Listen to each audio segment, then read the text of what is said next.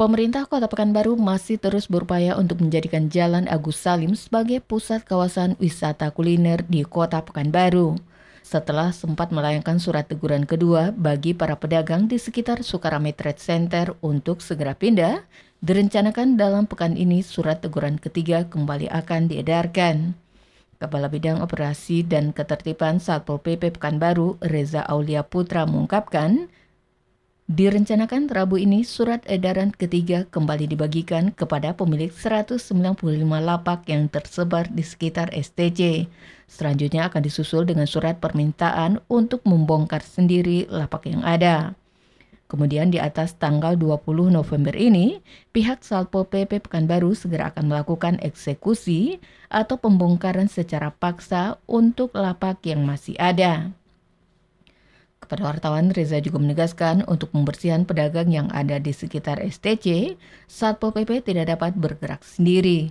Karena menurutnya ada instansi lain yang juga terlibat langsung seperti Disperindak, Dinas PUPR, serta juga Dinas Perhubungan.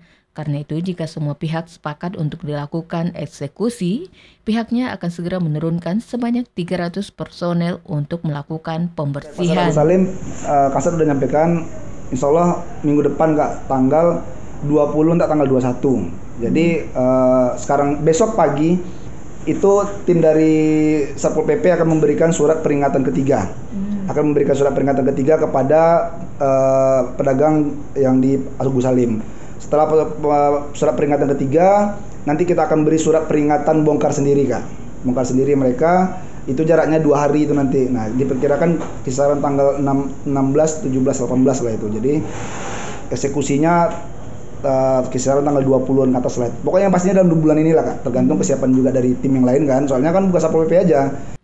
Lebih lanjut, Reza menyebutkan sesuai dengan instruksi wali kota dalam rapat Forkopimda di awal pekan ini, Paling lambat di bulan Desember, lokasi yang akan dijadikan kawasan wisata kuliner sudah harus bersih dari pedagang kaki lima. Desi Suryani, Tim Liputan Barabas, melaporkan.